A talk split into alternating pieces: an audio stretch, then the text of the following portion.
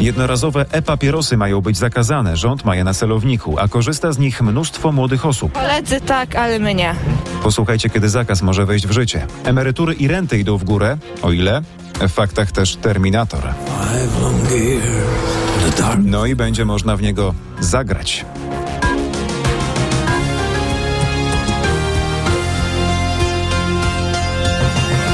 Do końca marca ma być gotowa propozycja przepisów, które zakażą sprzedaży w Polsce jednorazowych e-papierosów. Tego dowiedział się dziennikarz RMFFM.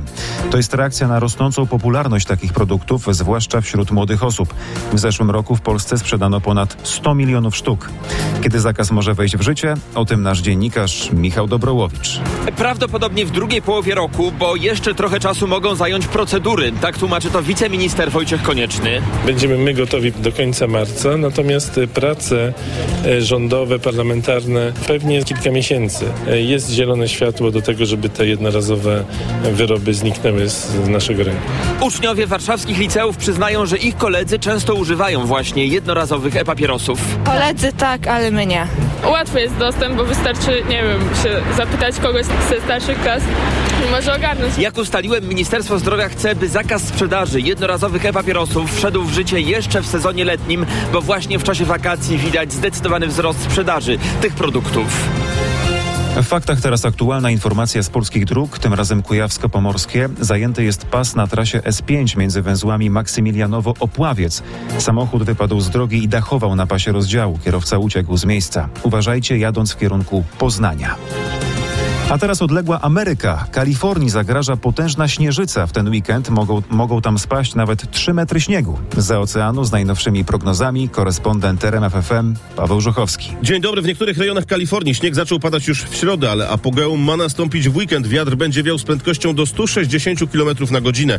Burza przykryje Kalifornię największymi w tym roku opadami śniegu, ostrzega CNN. Krajowa Służba Pogodowa przewiduje, że wiele dróg zostanie zasypanych. Zalecono, by w górzystych rejonach Kalifornii ludzie pozostali w domach. Oczekuje się, że obfite opady śniegu i silny wiatr spowodują rzadkie i długotrwałe zamiecie śnieżne na niemal całym obszarze gór Sierra Nevada. Widoczność może spaść prawie do zera. Fakty i pieniądze w RMFFM.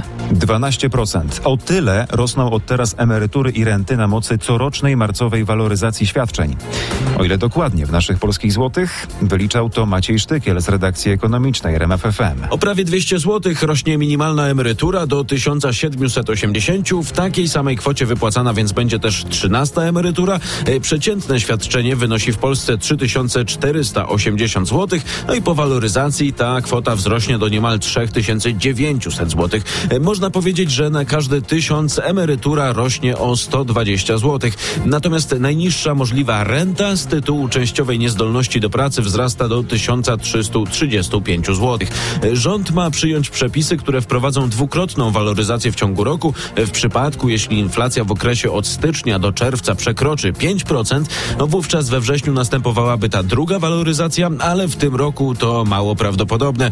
W styczniu inflacja wyniosła 3,9%, no i w lutym zapewne będzie jeszcze niższa. Terminator Survivors to nowa gra, która osadzona jest w uniwersum kultowego filmowego Terminatora. Kiedy będzie można w nią zagrać? No to już pytanie do Katarzyny Sobiechowskiej-Szuchty z redakcji kulturalnej RMFFM. A odpowiedź brzmi 24 października.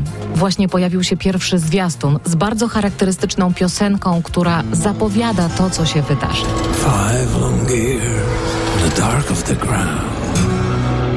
Rozgrywać się będzie w świecie uniwersum stworzonym równo 40 lat temu. Po wydarzeniach z dwóch pierwszych filmów Jamesa Camerona, a gracze przejmą sterowanie ocalałymi po dniu zagłady. Będą mogli mierzyć się m.in. ze słynnymi cyborgami T-800. Maszynę tego modelu zagrał w filmie Terminator Arnold Schwarzenegger. Zapowiada się bardzo ciekawie. To były fakty o godzinie 5. My słyszymy się za godzinę o 6, między innymi o jedynym resorcie, który swojej siedziby nie ma w stolicy, tylko w Katowicach. I właśnie tam Ministerstwo Przemysłu rozpoczęło formalnie swoją działalność. Zapraszam. Radio, muzyka, fakty. RMFFM.